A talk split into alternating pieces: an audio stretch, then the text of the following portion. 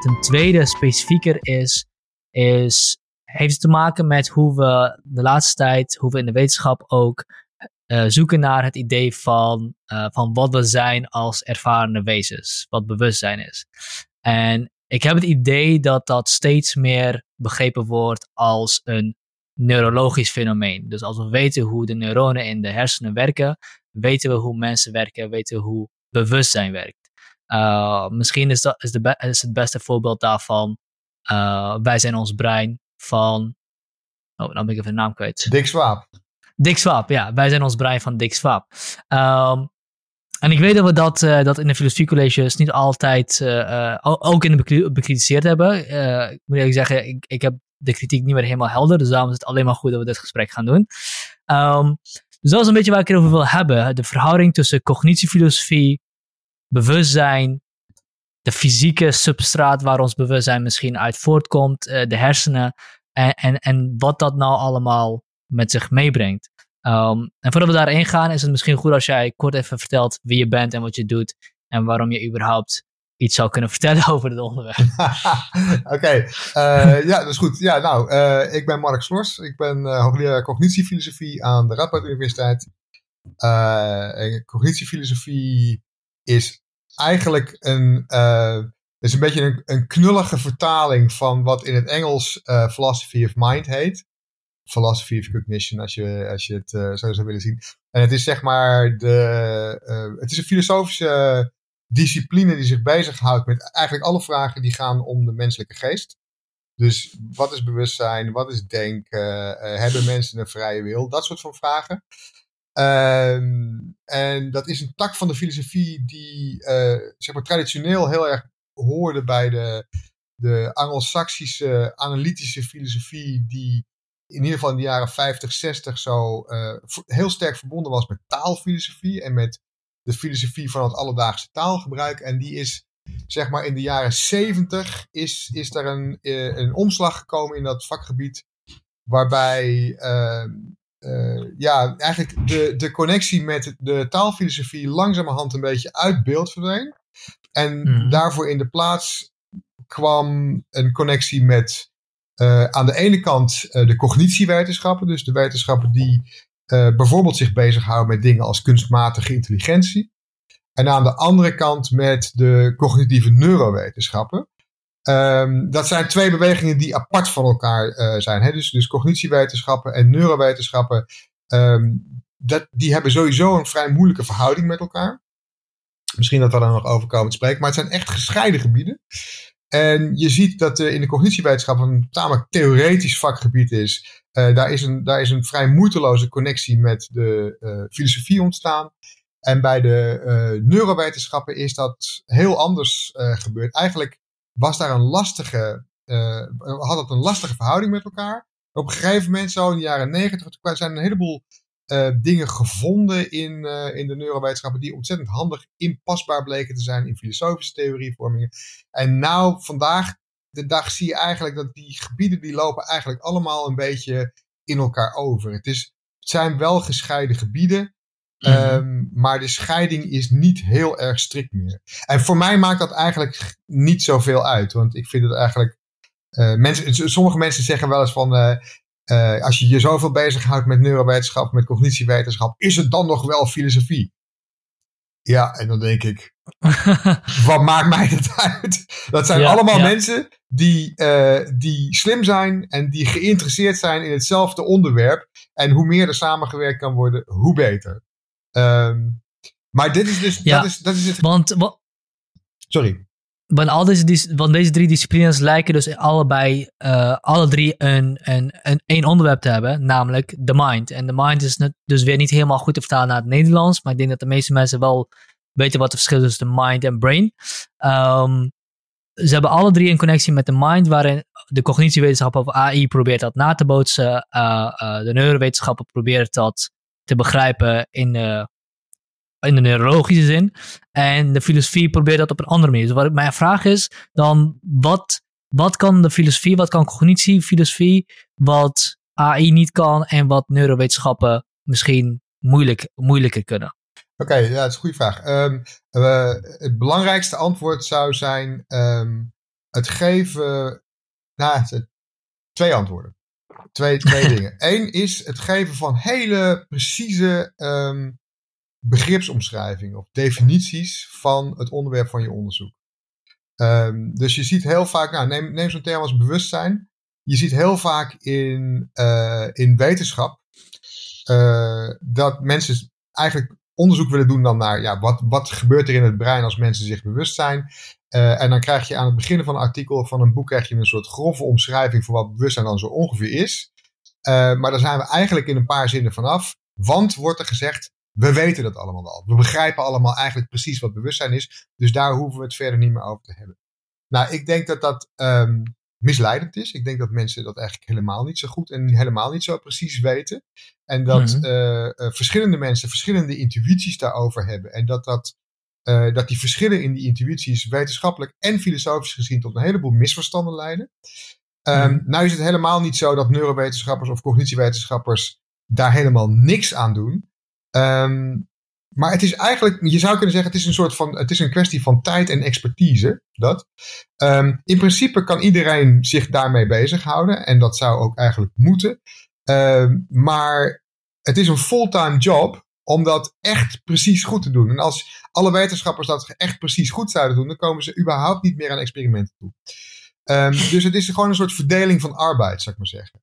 Dus begripsomschrijving, het geven van definities, heel precies zijn over waar heb je het nou precies wel over, waar heb je het nou precies niet over. Dat is een ontzettend belangrijke uh, uh, taak van filosofen. En traditioneel is het zo dat uh, filosofen dan proberen die begrippen zodanig te definiëren dat wetenschappers er ook wat mee kunnen. Uh, je mm. kunt, sommige mensen zeggen ook van dat, dat gaat niet, hè, dat, dat lukt niet. Als je, dat, als je bijvoorbeeld zo'n term als bewustzijn echt goed definieert, dan zul je meteen zien dat, uh, ja, dat het eigenlijk ophoudt, hè, dat, uh, dat het niet wetenschappelijk onderzoekbaar is. De meeste filosofen zeggen dat niet. Die zeggen nee, laten we dan proberen echt te werken naar begripsomschrijvingen toe waar wetenschappers wat mee kunnen en waar we zeg maar in een collectieve um, uh, onderzoekseffort allemaal wat, uh, wat, wat meer mee zouden kunnen.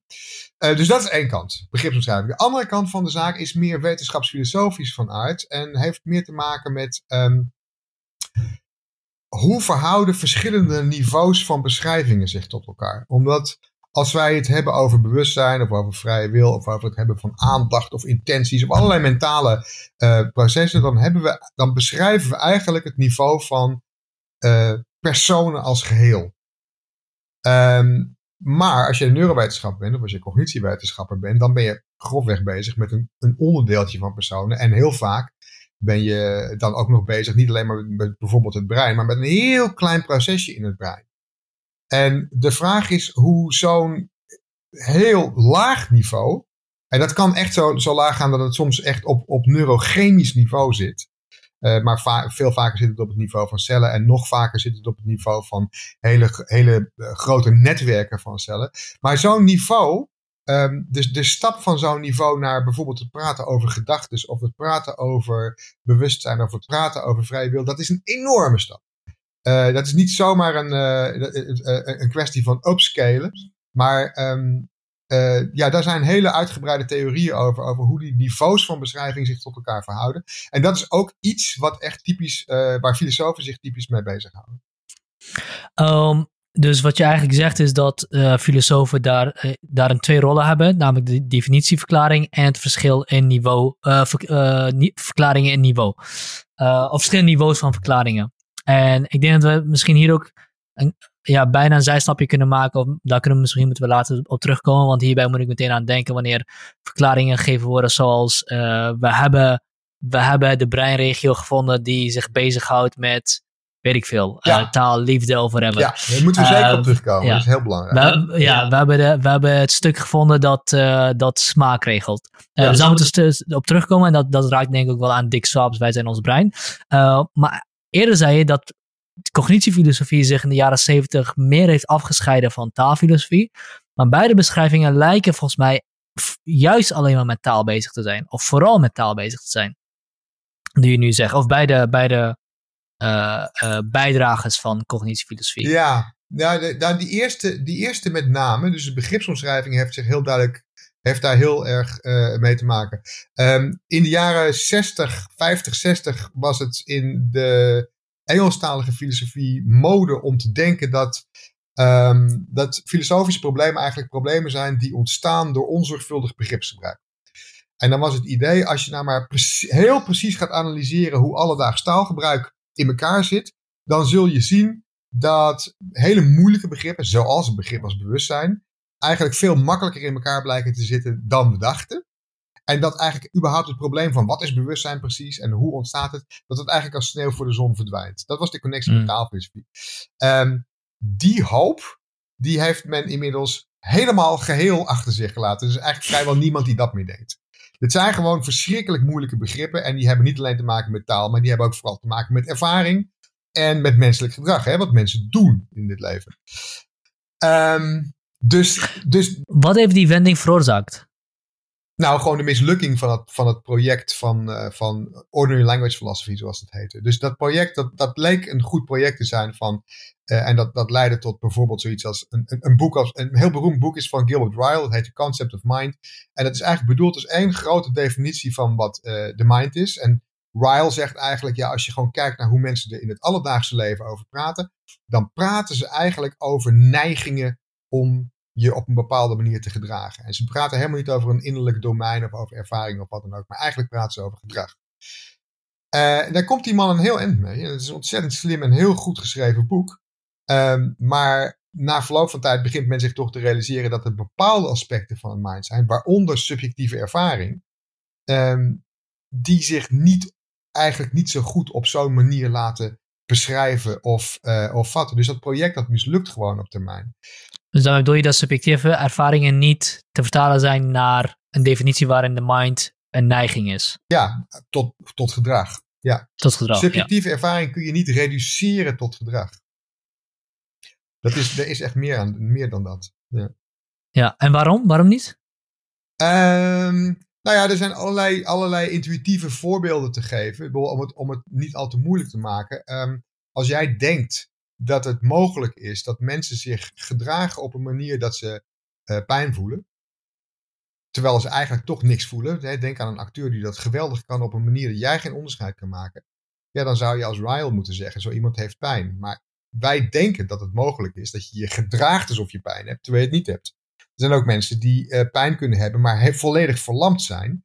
Uh, en die ervaren wel pijn, dat zeggen ze achteraf ook, maar die vertonen niet het daarbij behorende gedrag. Dus dat soort eenvoudige voorbeelden laten al zien dat het heel erg moeilijk is om um, echt subjectieve ervaring helemaal te vatten in, in termen van gedrag. In termen van gedrag, ja, ja. Oké. En um, dus dat is die wending uh, waarin, uh, waarin het idee dat eigenlijk bewustzijn puur een taalkwestie is. Zolang je het goed definieert, dan valt het probleem weg. Nu zitten we op het punt dat we eigenlijk denk, of in een narratief of in idee of, of in het wereldbeeld, dat het niet het geval is. Dat het daadwerkelijk een probleem is.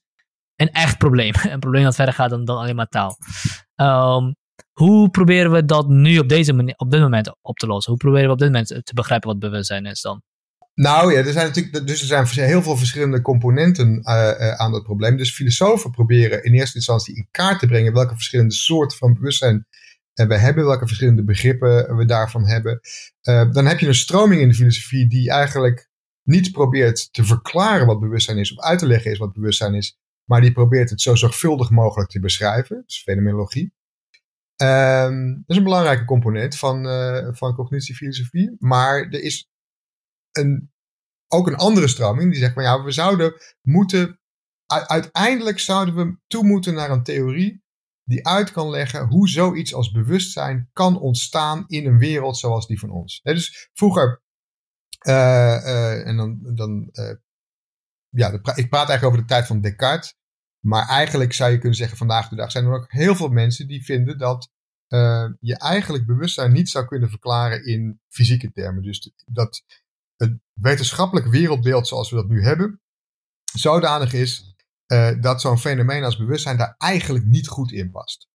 Uh, voor een heleboel filosofen is het project om te kijken hoe ver je kunt komen met um, het een plaats geven van bewustzijn in zo'n wetenschappelijk wereldbeeld. Nou, het eerste wat je daarvoor nodig hebt is een hele heldere omschrijving van: oké, wat, wat is bewustzijn? wat doet bewustzijn?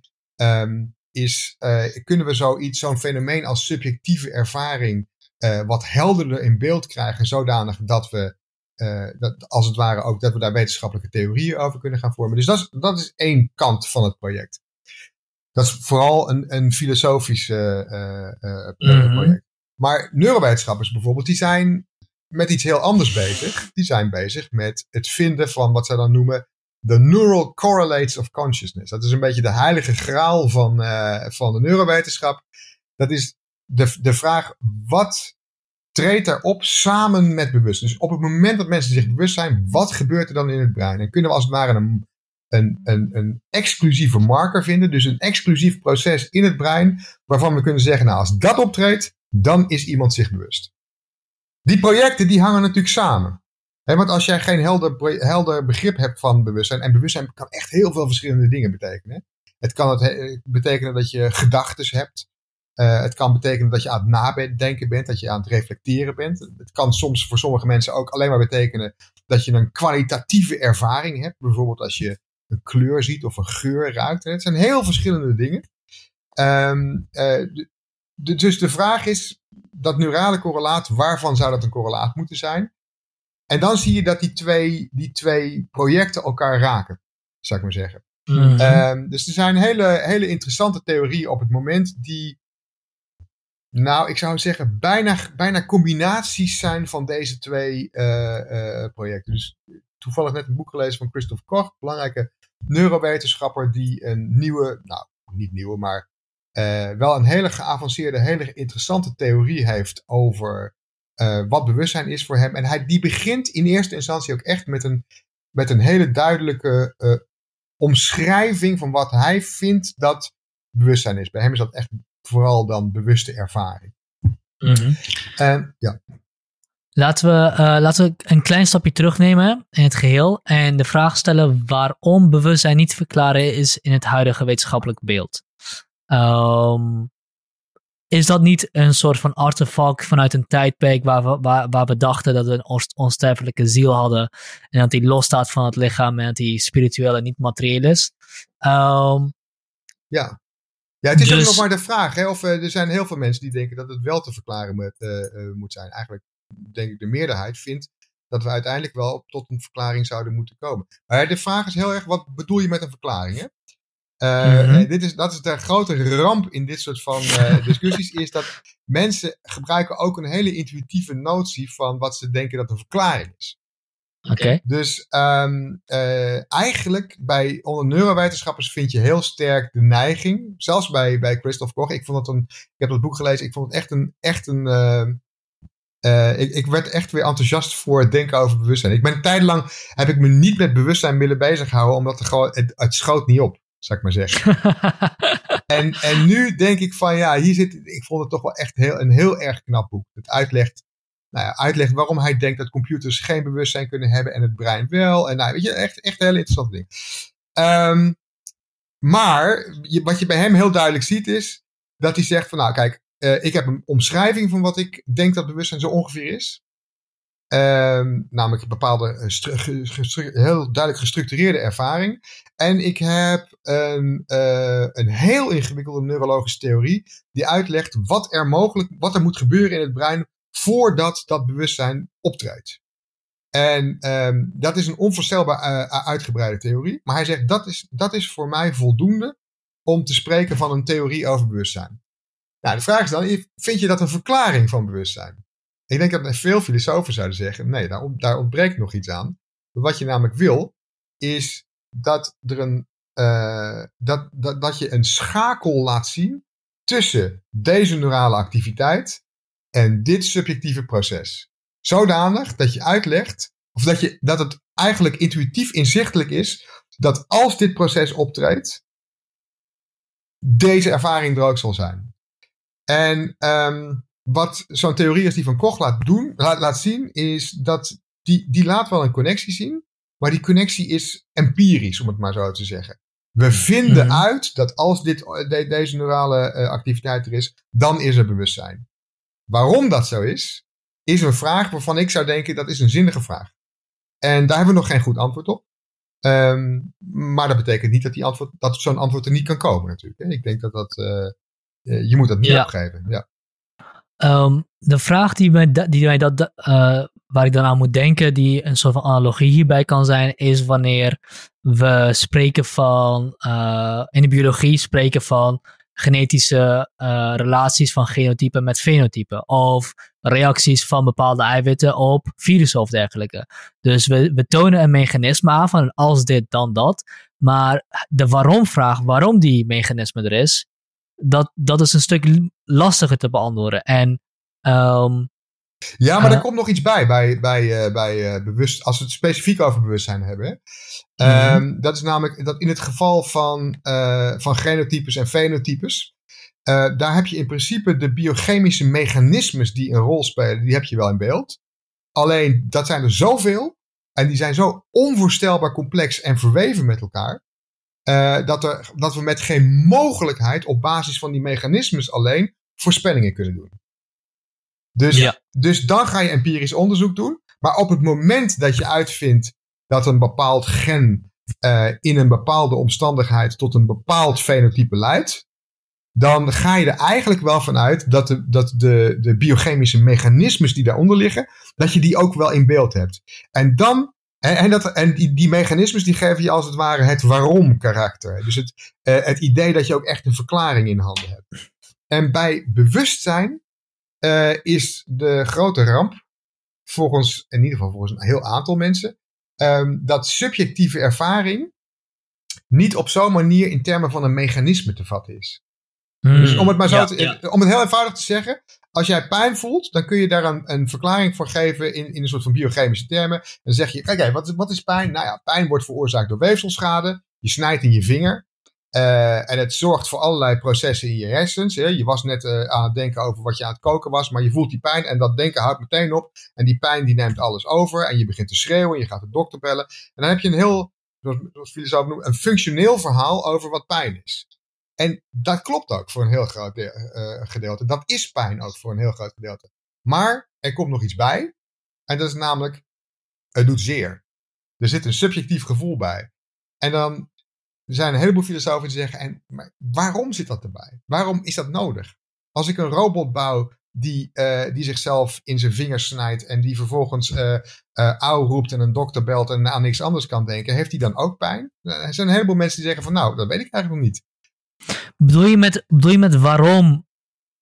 Is dat een evolutionaire vraag? Van waarom zijn we geëvolueerd om dat te hebben? Of is het een andere vraag? Echt een andere vraag. Het is echt, het is echt een vraag. Dit is, um, uh, Zo'n zo zo kwestie van genotypes, fenotypes en, en, en, en uh, uh, weet ik veel, hele ingewikkelde mechanismes, biochemische mechanismes die daaronder liggen, dat is een mechanisch verhaal uiteindelijk.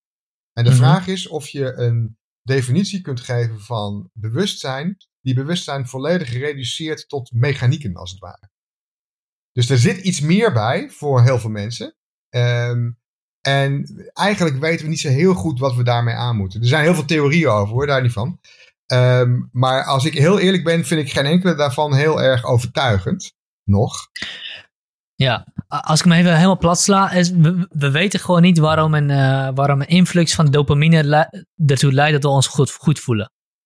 Uh, nee, we weten wel waarom de influx van dopamine ervoor zorgt dat je, weet ik veel, je op een bepaalde manier gaat gedragen. Dat er bepaalde ja. breinprocessen komen, dat er bepaalde fysiologische processen eh, komen. Maar er zit nog iets bij, een kwalitatief ervaringskarakter. Uh, en dat heb je eigenlijk in je hele biochemische verhaal niet nodig. Ja. Snap je? Uh, ja. en dan is denk ik de beste optie om te denken, nou, maar blijkbaar levert zo'n biochemisch verhaal tegelijkertijd een subjectieve ervaring op. Dat, dat is blijkbaar het geval. Als je alcohol drinkt, dan heb je ook een bepaalde ervaring. Het is een biochemisch proces, maar dan komt een bepaalde ervaring bij kijken. En mm -hmm. um, ja, we hebben nog niet, niet goed onze vingers erop op, op, op wat nou precies die connectie is. Uh, dan ook nog de vraag, waarom weten we dat het zo is dat die biochemische reacties leiden tot dat subjectieve ervaring? En waarom is het niet zo dat die subjectieve ervaring leidt tot die reactie, of misschien zelfs dat die twee helemaal los van elkaar staan. Dus dat die subjectieve ervaring er maar een beetje bij hangt. Epifenomenale, zoals, ja. uh, zoals genoemd wordt. Nou ja, um, uh, kijk, in het geval van alcohol is het vrij duidelijk. Je wordt niet eerst dronken en gaat dan drinken. Dus er gaat eerst alcohol in. Dus dat is, dat is, een, uh, dat is een simpele zaak. Die ervaring die volgt gewoon op, op, op biochemische processen. Er is, heel veel, er is ontzettend veel bekend over het brein. En er zijn heel interessante, heel veel heel interessante experimenten gedaan. Die ongeveer laten zien, als je rommelt met het brein, dan rommel je met je ervaring. Ja. En omgekeerd um, is, het, is het gewoon heel erg moeilijk, moeilijk aan te tonen. Um, ja, dus, dus dat is de reden waarom je, waarom je, waarom je in die volgorde denkt. Um, dat geeft nog geen antwoord op je, op je verdere vraag. Van wat, waarom is bewustzijn dan niet epifenomenaal? Waarom is het geen bijverschijnsel wat er een beetje bij hangt? Ja, nou ja, dat is een optie die op tafel ligt. Er zijn sommige mensen uh, die dat denken, dat dat, dat dat zo is. En ik vind het sterkste argument daartegen. Uh, nou, er zijn eigenlijk twee argumenten zijn zijn er tegen. Um, Eén argument is, um, eigenlijk als je epifenomenalist bent, dan ga je een beetje terug naar een soort van dualistische visie, waarin je denkt dat mentale of bewuste processen in ieder geval iets niet fysieks zijn. Um, en uh, dat kan. Bedoel, het is, je moet nooit iets, uh, iets uitsluiten. Maar um, je moet niet de illusie hebben dat je daarmee wel een verklaring geeft voor iets waar je in fysieke termen geen verklaring voor kan geven. Begrijp je wat ik bedoel? Um, er wordt vaak gedaan van, ja, de, de, het probleem van bewustzijn is zo'n moeilijk probleem. Dan moet het wel zo zijn dat dualisme waar is. Maar dat is een on, tamelijk onzinnige uh, conclusie. Want um, eigenlijk maak je het probleem daar erger mee. Omdat van het brein weten we tenminste nog hoe het in elkaar zit. En dat weten we steeds beter. Van een immateriële ziel, daar weet je ongeveer niks van. Dus hoe een immateriële ziel het voor elkaar krijgt om de subjectieve ervaring voor elkaar te krijgen, daar hebben we helemaal geen idee van. Weet je? Mhm. Dus dat lost het probleem echt niet op. En het is niet eens een label voor het probleem. Dat is gewoon, um, ja, eigenlijk denk ik, dat is gewoon niet, niet heel goed nadenken over hoe zo'n probleem in elkaar zit. Dus dat werkt niet. Dus dat is, dat is eigenlijk antwoord, uh, uh, probleem 1 met zo'n stelling. Het tweede probleem is, hangt een beetje mee samen.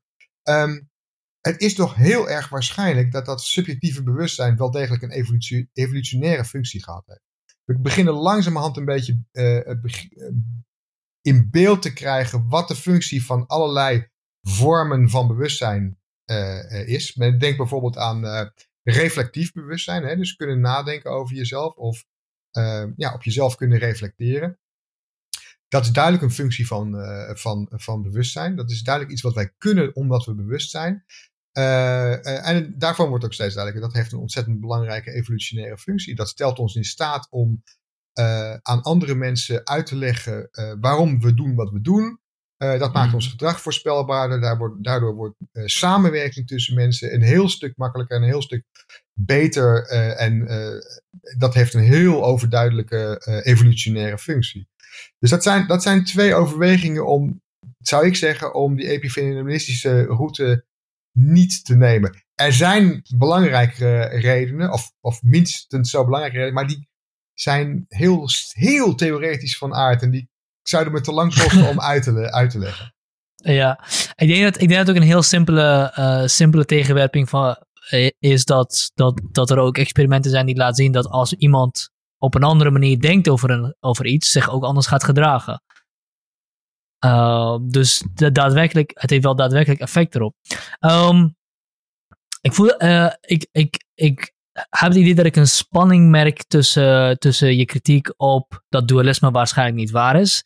Uh, en met de stelling dat een, een subjectieve ervaring iets anders is dan een fysieke reactie. ja. Ja, iets, ja, ja, dat laatste weet ik niet helemaal.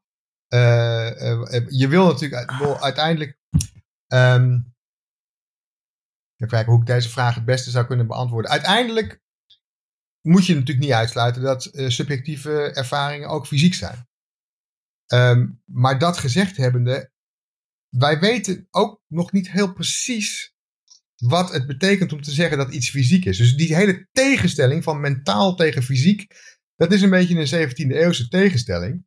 Uh, toen, we dachten, toen we dachten dat we het allemaal tamelijk helder in beeld hadden. Namelijk, ja, fysiek, dat zijn die kleine deeltjes. En er zijn er een heleboel van. En uh, die zijn heel hard. En die kun je uiteindelijk niet delen. En daar worden tafels en stoelen van gemaakt. En hersens. en mentaal, ja, dat is denken en bewustzijn, punt. Ehm, zo'n heldere scheiding hebben we al lang niet meer. Ook omdat het, het fysieke domein zelf zo mysterieus en ingewikkeld blijkt te zijn. Uh, En omdat we eigenlijk dat fysieke domein zelf ook nog niet helemaal in beeld hebben. Uh, er zijn enorme belangrijke gaten in ons denken over de fysica. Hè? Alleen al het bij elkaar krijgen van een kwantummechanica en relativiteitstheorie.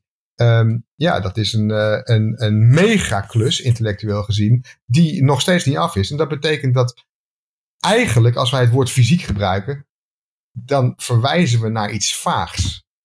Namelijk een, een theorie in de toekomst die er misschien ooit zal zijn. En zeggen, ja, die theorie die beschrijft het allemaal. Maar wij weten niet hoe die theorie eruit ziet. Oké, dus, dus eigenlijk, uh, eigenlijk, eigenlijk denken we dus dat wanneer we verwijzen naar iets mentaals, dat dat iets heel vaags is. En, naar fysiek iets wat we kunnen aanduiden van daar is het. Al dan niet onder een microscoop. Maar dat is geen zins waar, zou je zeggen. Dat is geen zins waar, nee. Er zijn zoveel fysieke verschijnselen die, uh, die we echt fysiek willen noemen. Hè? Dus als je, als je je, een zwaartekrachtveld, is dat fysiek? Ja, dat is, dat is fysiek. Zwarte gaten, zijn die fysiek? Ja, die zijn fysiek.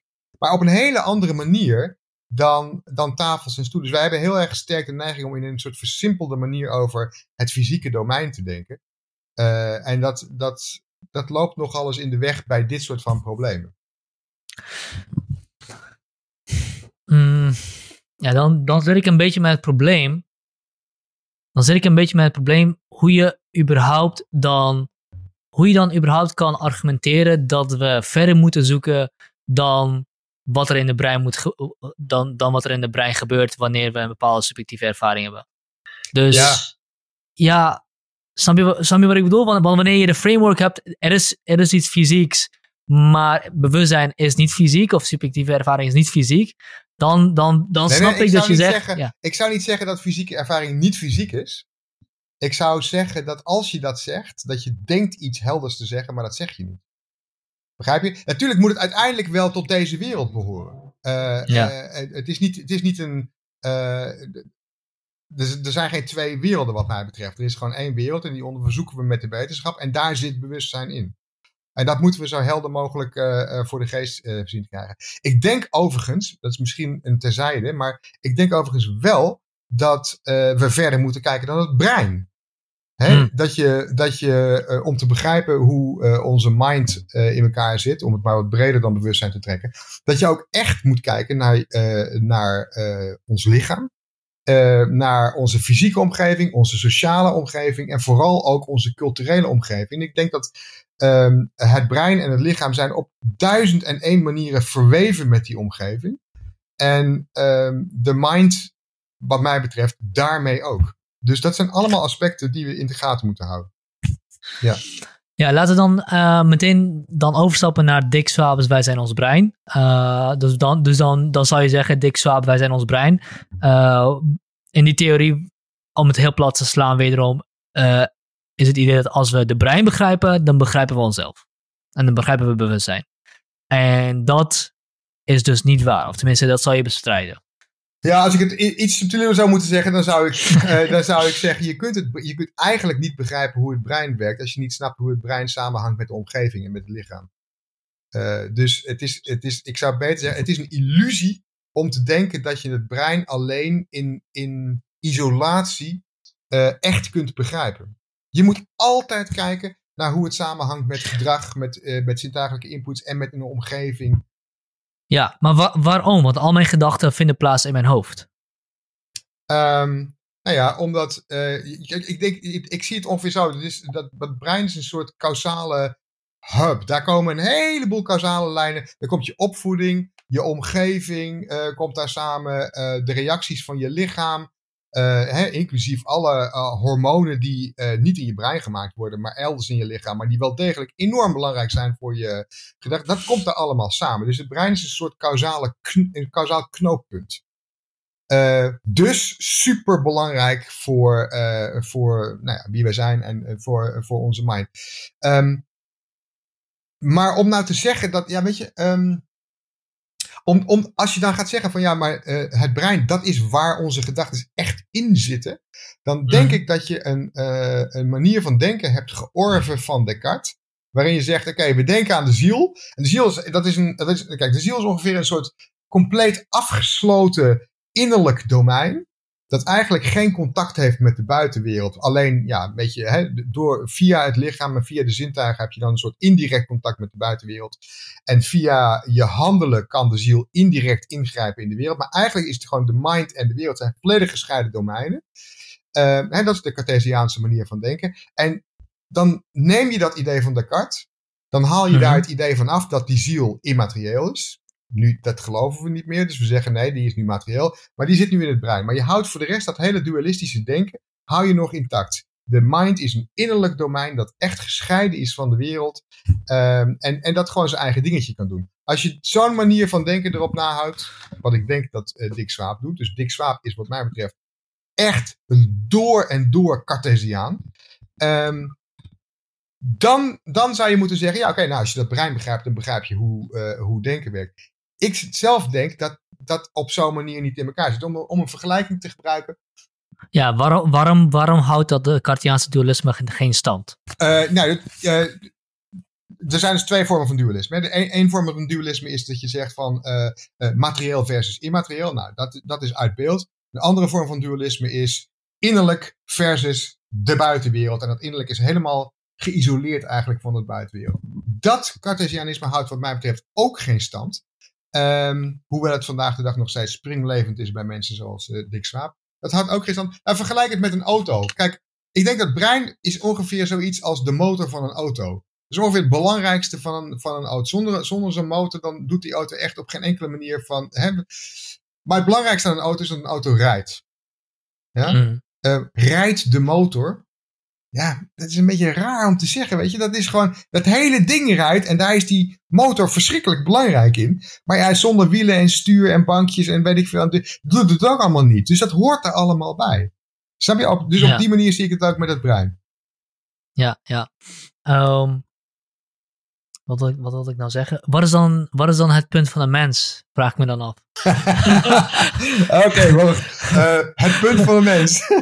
ja, uh, deze ja, vraag moet je even ja. iets meer toelichten. Want het ja, nee, misschien is dat ook een onderwerp waar we helemaal niet in moeten stappen. Maar ik bedacht me, ja, oké. Okay, Mag wel, ik vind het wel leuk juist om, uh, om naar... ja? Oké, okay. nou ja. Nou, het doel van een auto rijdt. Ja. Wat is het doel van een mens dan? Het doel? Of, of waartoe, waartoe bestaat een mens? Is het om te ervaren? Is het om, om ja, is, is, het dat, is, is, is dat dan te ervaren? Of uh, ja, ik vind als, je die, als, je, als je deze analogie moet, zou moeten doortrekken, bedoel ik dan. Ik vind het zo moeilijk om, een, om, om te denken in termen van doelen bij mensen. Ja. Dat vind ik echt een heel erg moeilijke. Um, uh, omdat iemand. Een doel is altijd een doel van iemand. Hè? Um, en ik kan me voorstellen dat als jij religieus denkt. Dan is dat doel altijd het doel van. Nou, God, dat is duidelijk. Die heeft een bepaald doel met jou en dat geeft, dat is, dat geeft een soort richting aan je leven. Dat, dat, is allemaal, dat allemaal prima. Maar als je dit vanuit wetenschappelijk oogpunt bekijkt en je kijkt naar uh, um, ja, gewoon de wereld zoals de wereld geëvolueerd is en, uh, en de mensen zoals die daarin geëvolueerd zijn. Ja, ik vind het, een, vind het totaal razend interessant hoe mensen daarin geëvolueerd zijn. En ik, ik hou me tegenwoordig bezig met dingen als culturele evolutie en zo. Dat vind ik helemaal, dat is helemaal uh, ja, vind ik helemaal oh, geweldig interessant. Dat is, echt, dat is gewoon, ja, dat is, dat, dat is fantastisch. En dan, um, dan denk ik van, ja, maar kijk, zo, uh, kun je aan zo'n proces zeggen dat zo'n proces een doel heeft? Dat vind ik heel moeilijk. Dat, dat, dat is op een of andere manier het begrip doel uh, en zo'n proces, dat, dat gaat niet bij elkaar. Ja. Maar als je kijkt naar de mens die het product is van dat soort processen en die zelf ook bijdraagt aan dat soort processen, vanuit het perspectief van ons, Um, geven, wij, wij, geven onszelf een doel, zou ik maar zeggen, in het leven. Mhm. Mm. Zo zijn wij gemaakt. Um, uh, maar ik, ik, heb de neiging om dat, te, ja, om dat toch in, in, iets meer evolutionaire termen te begrijpen. Dat doel dat wij onszelf geven. Maar dan ja, niet dat, in termen dat, van biologische evolutie, maar vooral in termen van culturele evolutie. Wij zijn, op, wij zijn begonnen als biologische species, als biologische soort. Um, maar uh, het ons, ons evolutionaire succes hebben we vooral te danken aan het feit dat wij uh, cultuur, culturen zijn gaan vormen. Dus, dus ik denk dat je ons doel ook vooral in sociaal-culturele zin uh, uh, zal moeten gaan definiëren. En dat is ook, denk ik, waaruit dat is, dat is het niveau, zou ik maar zeggen, waar de meeste van ons in ieder geval de betekenis van hun leven uithalen, denk ik. Ja. Is dat dan, is die doel wat ingegeven wordt dan... Volgens mij, misschien even een zijstapje, of, of, of een, even eromheen. Volgens mij heb je in evolutionaire theorie um, het verschil tussen verklaringen, biologische verklaringen, dus verklaringen die, die iemand uh, uh, biologisch determineren of ertoe neigen om een bepaalde handeling uit te voeren. En dan zelfgemaakte verklaringen. Ik weet even niet wat, het, wat, wat die, wat die uh, scheiding is. Dus, um, um, even kijken. Dus de verklaring van de moeder dat ze van haar kind houdt, is een andere verklaring dan dat de moeder evolutionair ge is of ja, evolutionair geselecteerd is, of dat evolutie geselecteerd heeft voor moeders die zorgzaam zijn voor een kind. Oh ja, nou ik weet niet of ik dat nou zo, of ik dat verschil zo op zo'n manier zou, uh, zou zien. Ik, ik, ik, ik heb zelf, de, uh, evolutionaire psychologie die is ooit begonnen op zo'n manier, zeg maar in de jaren negentig, begin jaren negentig. En toen, toen krijg je een heleboel van dit, dit, dit type verklaringen. En dan krijg je type verklaringen waarin uh, weet ik veel, uh, er werd gezegd dat um, uh, mensen vinden, vinden andere mensen mooi als ze een, een, een heel symmetrisch gezicht, hebben. Want dat komt omdat symmetrie op de een of andere manier staat voor meer vruchtbaarheid. En dan krijg je een beetje. Krijg je, weet je, dan wordt alles in termen van voortplanting verklaard. dat, dat is een vorm van, van evolutionaire psychologie waar ik. Ja, het zal vast waar zijn hoor, maar ik heb daar niet zoveel mee.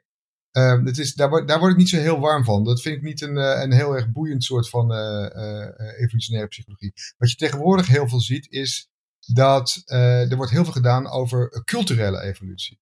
Dus niet de hmm. evolutie van ons als biologische wezens, maar als culturele wezens. Dus dat wil zeggen als wezens die, die groepen vormen waarin allerlei uh, gebruiken en regels en, en, en, een heleboel cultuur, zeg maar zeggen, uh, plaatsvindt. En ik denk dat het echt tijd wordt om te kijken, als wij nou de, over cognitiefilosofie hebben, of over cognitie, dat we echt dat we gaan begrijpen dat wij echt door en door 100% cultuur bezig zijn. Denken is echt een cultureel proces. Dat, is dat gaat niet zonder een, sociale context. Dat gaat niet zonder de taal waarmee je uh, er opvoelt. Dat gaat niet zonder de vrienden met wie je kunt praten. Um, dat zijn echt door en door sociaal-culturele processen.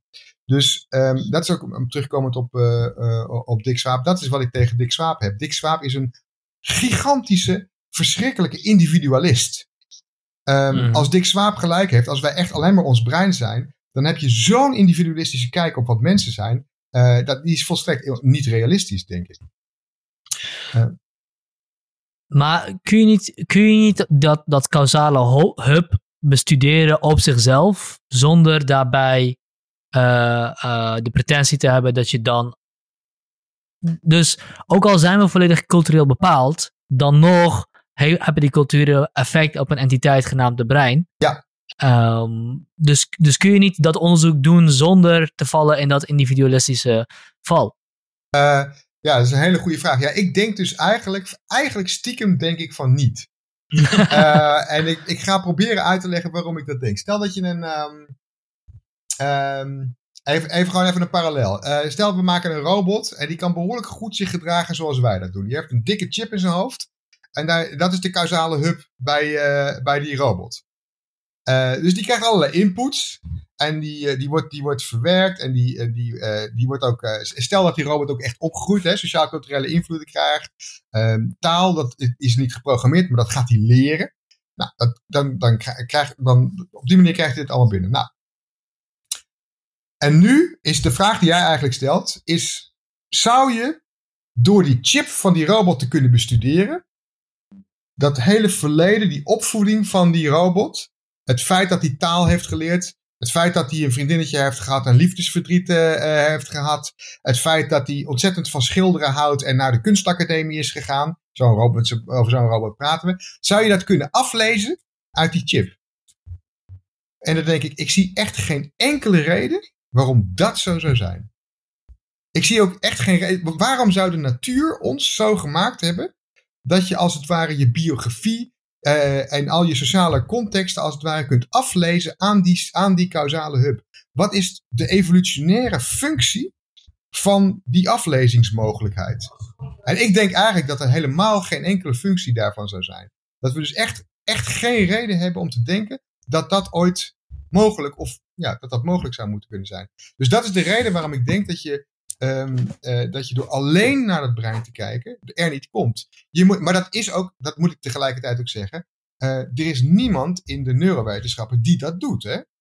Dus wij mm. hebben misschien het beeld van, uh, van neurowetenschappers als, als mensen die alleen maar naar het brein kijken. Maar dat is totale onzin. Wat doen neurowetenschappers? Um, als die willen gaan uh, uitvinden waar aandacht zit, of wat aandacht, of hoe dat werkt, zeg maar, dan gaan ze een taakje bedenken die mensen moeten doen, waarin ze hun aandacht op dingen moeten richten. En dan gaan ze bijvoorbeeld reactietijden meten. Uh, of ze laten de mensen dat taakje doen en dan kijken ze in de scanner wat er in het brein gebeurt. Uh, en dan wordt dus vervolgens die breinactiviteit, die wordt gekoppeld aan een bepaalde manier van het taakje doen. En daaruit haal je je conclusies. Dus het is echt niet alleen breininformatie die je gebruikt. Nee, het is juist het koppelen van die breininformatie aan uh, uh, een, een, bepaalde taakinstructie, aan bepaald gedrag en een context waarin iemand, weet ik veel, op knopjes moet drukken of naar plaatjes moet kijken of wat, wat ze ook moeten doen in het laboratorium. Dat geheel, dat is, dat is cognitieve neurowetenschap. Dus er is ook eigenlijk helemaal niemand die alleen maar naar het brein kijkt. Dus dat hele idee van, van, van Swaap is ja. Het, het, heeft misschien te maken met het, het soort van neurowetenschap. Wat ja, maar, ja, maar dan moet je dus zeggen dat aandacht dus niet in de brein gebeurt. Of tenminste niet, niet, niet alleen maar in de brein gebeurt. Niet alleen maar. Maar het gebeurt wel in het brein, maar niet alleen maar. Ja, ja, ja, ja. ja. Want, want als je dat niet doet, dan kan Dick Swaap altijd nog altijd zeggen: ja, maar die aandacht is een breinactiviteit. Ja, dat, dat zegt. En dat is dus, dus, er zijn heel veel uh, neurowetenschappers die dat zeggen. En uh, daarvan denk ik, dus dat is, een, dat is uiteindelijk nog uh, een, een, een, een overblijfsel van het Cartesiaanse manier van denken. En uh, ik zie eigenlijk geen goede wetenschappelijke reden ervoor om, uh, om die manier van denken in stand te houden.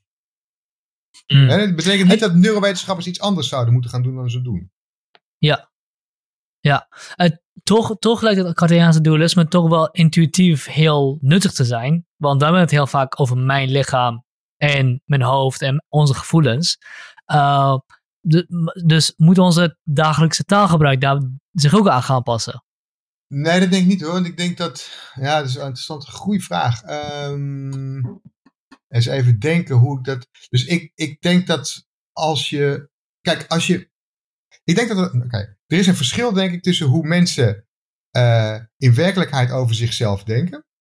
En uh, de manier waarop mensen daar als een soort van. Um, nou ja, als een soort alledaagse filosoof. vervolgens rekenschap overgeven. Uh, dus ik denk dat als je mensen de vraag voor zou leggen van uh, geloof jij uh, dat jouw ik hetzelfde is als jouw bewuste gedachtes en dat die ergens ofwel in je hoofd zitten ofwel in een ziel, dan denk ik dat de meerderheid zou zeggen ja. sterker nog, ik, dat, dat, ik geloof dat daar is ook wel onderzoek naar gedaan. niet zo goed onderzoek, hè, dat moet ik wel zeggen. Maar, maar dat is ongeveer wat mensen zeggen over zichzelf. Maar als je ze vervolgens vraagt. Um, als jij aan het praten bent met een, met een vriendin of een vriend. Gewoon een gesprek, echt een, een gesprek aan het hebben. Ben je dan bewust aan het nadenken over welke zinnen je uit gaat spreken, welke woorden je gaat gebruiken, uh, of de woorden die je gepast, uh, gebruikt, uh, of die gepast zijn, of ze, de zinnen die je uitspreekt grammaticaal correct zijn? Dan zal je zeggen, nee, natuurlijk niet. Hè, dat flapte gewoon uit. Ik ben, ik ben met mijn hoofd als het ware bij de inhoud misschien. Maar zelfs dat misschien niet eens, want je praat over het algemeen sneller dan dat je denkt wat dat betreft. Hè? En dat, dat is een ervaring, dat kent iedereen. Oké, dus so far so good, dat geven mensen ook uh, toe. Maar als je die twee, die twee stellingnames bij elkaar brengt, dan heb je opeens een contradictie. Want dan zou het betekenen dat als mensen met elkaar een intiem gesprek aan het uh, hebben, uh, hoe zeg het? hebben, een gesprek mm -hmm. hebben, ehm, dat het eigenlijk niet die mensen zelf zijn die aan het praten zijn. Nou, niemand zou dat natuurlijk beweren. Dus ik denk dat als je kijkt naar hoe mensen in het dagelijks leven werkelijk over zichzelf denken, dat ze helemaal niet doen alsof ze uh, Cartesiaan zijn. Dat ze helemaal niet doen alsof zij en hun reflectieve bewustzijn of zij en hun brein allemaal hetzelfde zijn. Ik denk dan, dan, dan praten wij over onszelf als, ja, het klinkt een beetje stom om te zeggen lichamen. Want dat klopt ook hmm. niet. Hè? Dat is, want als je het zo zou zeggen, als je zegt, ja, we praten over onszelf als lichamen. Uh, dan, dan doe je weer alsof het alleen maar een, een hoop cellen en uh, dingen bij elkaar zijn. Uh, chemische substanties bij elkaar zijn. En dat is beslist niet wat ik bedoel. Um, maar het gaat wel om. Als ik het zo zou zeggen, we praten eigenlijk over onszelf als mensen van vlees en bloed. Dat is een heel stomme uitdrukking, maar, maar ergens begrijp je wat ik bedoel. Want, want het gekke is, wat we met die uitdrukking bedoelen, is uh, mensen met gevoelens. Dat zeg je eigenlijk. En ik denk eigenlijk dat, uh, dat, oh, dat we in werkelijkheid op die manier over onszelf denken. Dat we helemaal niet zo dualistisch over onszelf uh, denken. Maar ik, nogmaals, als je mensen vraagt om een theorie te geven over zichzelf, dan kunnen ze verdacht uh, dualistisch uit de hoek komen, ja. Uh, en, en toch komt er nu bij mij het idee van een bezield lichaam naar boven. Ja. Nou, en ergens zou ik zeggen, dat is prima als het maar de ziel van Aristoteles is. wat, bedoel je, wat, bedoel je, wat bedoel je daarmee? Nou kijk, bij Aristoteles, was, uh, het is ingewikkelder dan ik het nu zeg hoor, maar bij Aristoteles was de ziel de vorm van het lichaam. Dus uh, een deel van het proces, van, dus het, het, datgene wat de materie tot een biologisch proces maakt zoals dat van ons, tot een, een zelforganiserend organisme, namelijk een menselijk lichaam, dat is de ziel. Dus uh, bij Aristoteles is het ook helemaal niet zo dat de ziel iets is wat los van het lichaam uh, kan, uh, kan, bestaan. En wat, als je gaat dromen, dan ben je even weg en dan kom je s ochtends weer terug. Um, dat, dat, is, dat is een idee van de ziel wat veel later is ontstaan. nou ja, het, wil zeggen, het heeft een andere traditie, laat ik zeggen. Een Platoonse mm. traditie. En dat is het idee van de ziel wat wij een beetje erop na hebben gehouden. Ook wel dankzij Descartes. maar ook dankzij heel veel 17e eeuwse denkers. Maar bij Aristoteles was dat idee van de ziel dat, dat, dat bestaat niet. De, de ziel is wat het lichaam bezielt, letterlijk. Animeert. De anima. De zelf, het zelforganiseerde principe noemde je toch? Dus daar wilde ik eigenlijk een bruggetje mee maken. Nou, dat is een manier waarop bepaalde denkers tegenwoordig nog steeds denken over wat de mind is. Dat zijn de zogenaamde enactivisten. Uh, en die hebben een beeld van, uh, van het mentale, waarbij eigenlijk het begrip van mind um, continu is, moet ik, zou ik moeten zeggen, met het begrip leven. Um, uh, het is een hele complexe vorm van leven, zou ik maar zeggen. Dus, dus wat zij zeggen is, er is een, dus een continuum van uh, eencellige organismes, wat, wat, wat, uh, wat zelforganiserende systemen zijn. Dat zijn systemen die zichzelf in stand kunnen houden, die hun eigen organisatie in ieder geval in de meeste omgeving, in de meeste omstandigheden in stand zouden kunnen houden. Uh, datzelfde geldt voor, uh, voor meercellige organismen, voor plantjes, voor grotere planten, voor dieren. En je, krijgt steeds complexere vormen van leven. Dit is, dit is eigenlijk gewoon een weerspiegeling van een oud-Griekse manier van denken. Hè? Je krijgt steeds complexere vormen van, uh, van leven. En uiteindelijk krijg je uh, um, uh, vormen van leven die ook echt die, die, taal kunnen gebruiken, kunnen reflecteren, zichzelf kunnen uitdrukken. En die zich in sociale verbanden kunnen, kunnen gaan verhouden. Maar dat is een één continu, um, één continuum als het ware. Um, dus je vindt een, een, deze Aristotelische manier van denken, die vind je eigenlijk nog in, in huidige, op wetenschap gestoelde manieren van denken ook nog terug. Uh, als je dat bezieling zou willen noemen, dan zou ik daar maar geen bezwaar tegen hebben. Ja, ja, ja, ja. Ja, dat, dat, dat is ook. Het is, een heel moe, het is een heel lastig idee om überhaupt grip op te kunnen krijgen.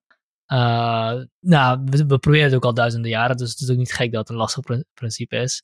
Um, en misschien. Mag ik even op, op, op reageren? Ja, ja, ja, ja had ik overigens een adapter gaan halen om mijn computer niet te laten uitvallen. Want ik heb nog 9%.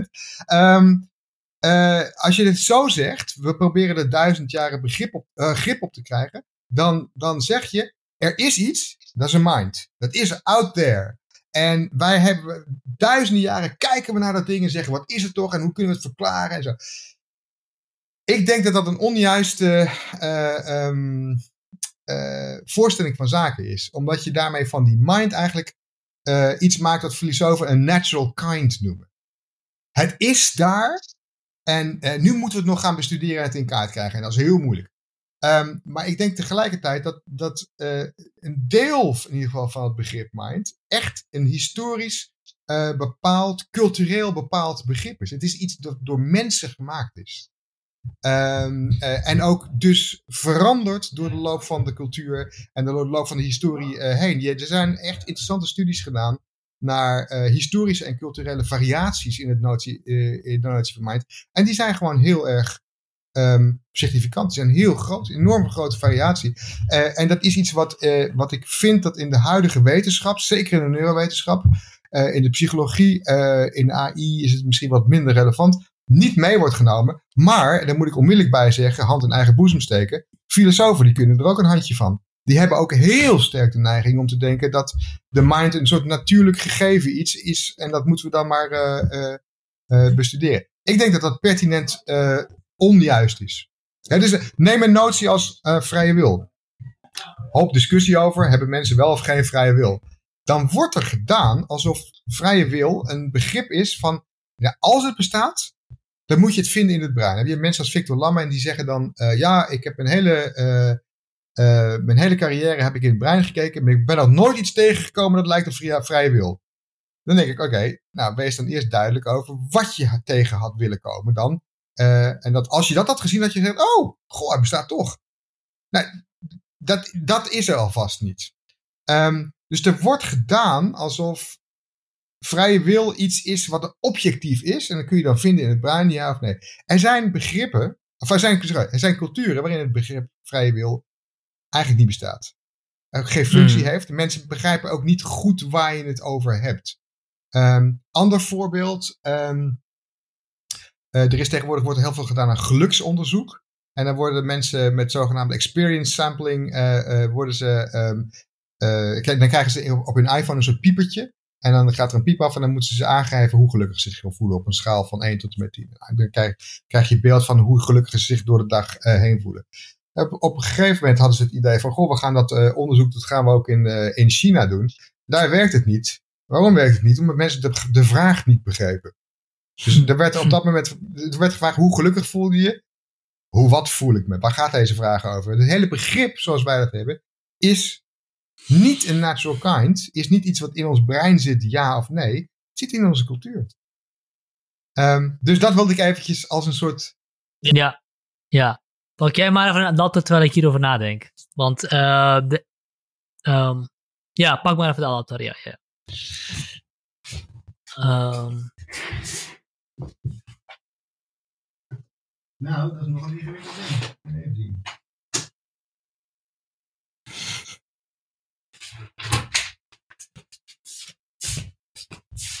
Uh,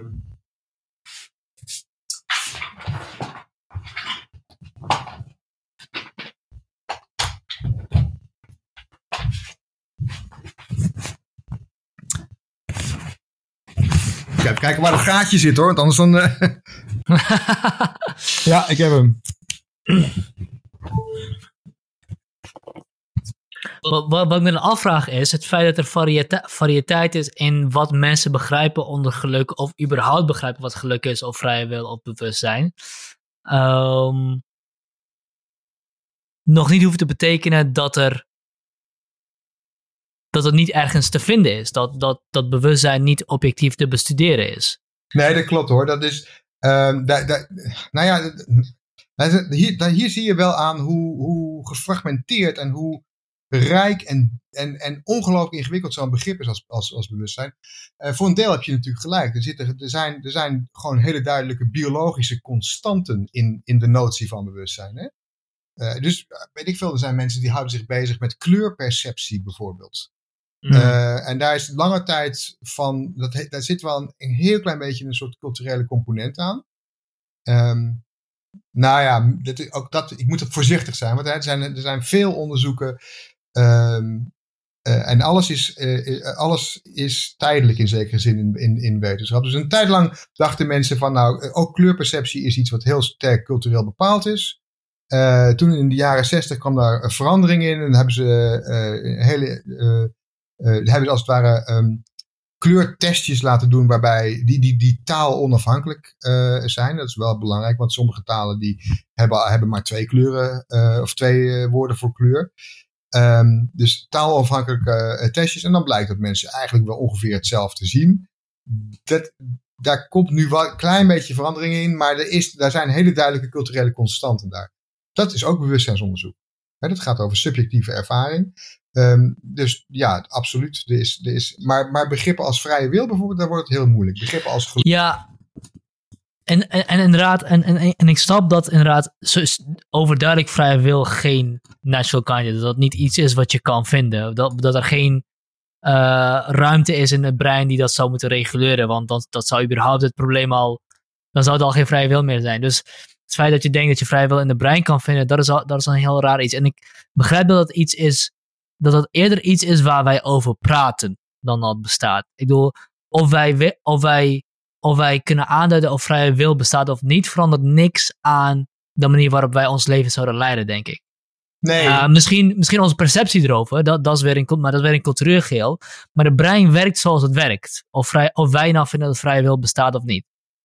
Ja, ja dat, dat is ja, maar ook, ook ja, dit, dit wordt wel een hele flauw hoor, maar ook bij vrije wil geldt, um, dat is een heel rijk begrip. Uh, heel veel mensen denken intuïtief wel een, een, notie te hebben van wat ze denken dat het is. Uh, maar als je eventjes gaat doorvragen, dan, blijkt, dan blijken die intuïties hopeloos verward te zijn. Uh, dus ik, ik zelf heb altijd een grote voorkeur voor om gewoon verschillende begrippen van vrije wil te hanteren. En gewoon te zeggen, en die bestaan allemaal naast elkaar als begrip. En sommige daarvan die kun je overduidelijk zeggen van nou, op basis van onderzoek kunnen we duidelijk constateren dat we, dat we dachten dat het bestaat, maar het bestaat niet.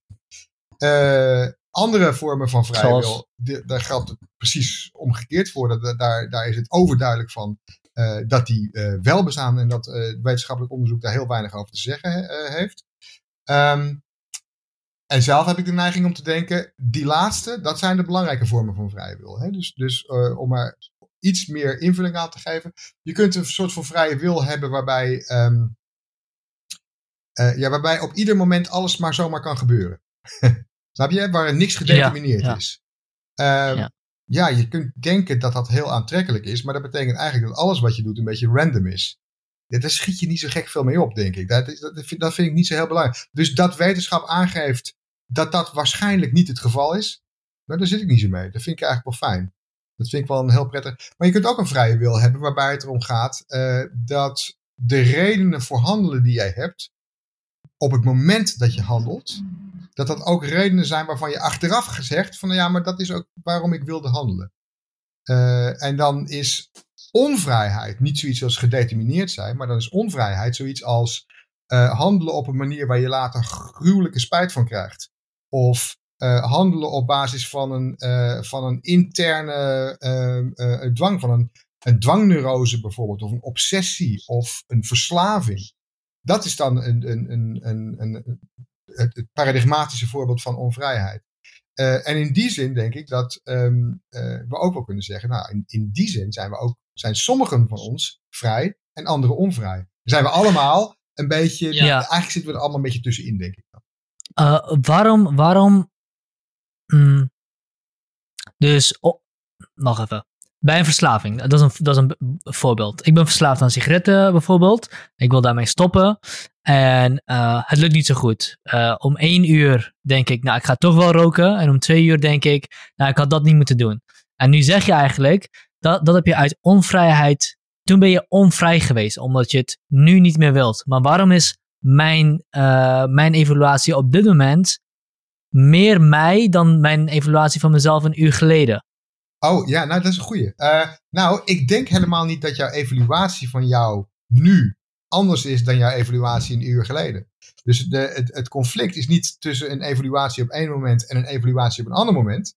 Maar het conflict is eigenlijk tussen een, een drift of een neiging vanuit jezelf en een evaluatie van die drift of die neiging in, uh, in jezelf. Dus op op een bepaald moment, je weet van jezelf. Maar, maar, de, maar de drift om te roken en de drift om gezond te zijn.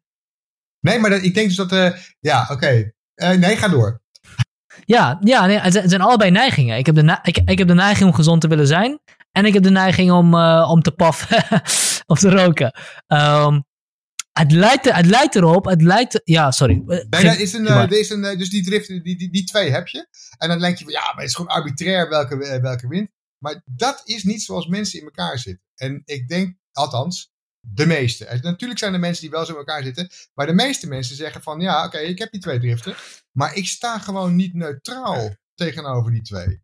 Dus eh, met name als jij wil stoppen, dan erken je dat je de, dat je de neiging hebt om sigaretten te, te, te willen roken. Je hebt ook de neiging om er vanaf te blijven, omdat je gezond wil blijven. En je wil eindelijk eens een keer eh, een gezonde niet-roker zijn. Dus die twee driften heb je. Maar als jij stopt, als je besluit te willen stoppen, dan zeg je, ik sta niet neutraal tegenover die twee. Ehm, Mhm. En het is die niet-neutraliteit die ervoor zorgt dat je zowel vrij als onvrij kunt zijn. Dus je bent vrij op het moment dat je erin slaagt om inderdaad van die sigaretten af te blijven. Dan, dan doe je wat je echt wilt. En van, beide kun je, van beide kun je zeggen, ja, het zijn neigingen, dus dat wil ik. Maar je hebt dat soort van willen en je hebt een, een soort willen, een echt, wat je echt wil. In dit geval wil je echt stoppen. Ehm, nou, als je stopt, dan, dan ben je in die zin eh, ben je vrij. Dan heb je een wil die vrij is. Maar die, neutra ja, nou, maar, maar die neutraliteit verandert ook steeds. Want, de ene, want wat je eigenlijk nu zegt is, eh, je, staat, eh, je staat over het algemeen, sta je, dit is een beetje hoe de situatie geschetst wordt. En ik denk ook, ook het meest intuïtieve lijkt om te schetsen. Jouw gewoonlijke eh, stemming is dat je wil stoppen met roken. Dus je staat niet neutraal tegenover beide neigingen. Je bent meer geneigd om te willen stoppen met roken en gezond te zijn. Maar er zijn momenten waarin je verliest. Of iets dergelijks van die drift. Ehm, Maar, de- maar kijk, dat is. Dat, en ik denk dat je. heb je helemaal gelijk in, hè? Ehm, maar dat is alleen maar een probleem als je denkt. Voor, voor deze visie op vrije wil dan, hè, is het alleen maar een probleem als je denkt dat vrije wil een ja en nee kwestie is. En, Hmm. en heel veel mensen praten er zo over. Die zeggen van ja, kijk, vrije wil is. De vraag is gewoon: hebben mensen hem nou wel of niet? Punt. En het is gewoon ja, ze hebben hem of nee, ze hebben hem niet.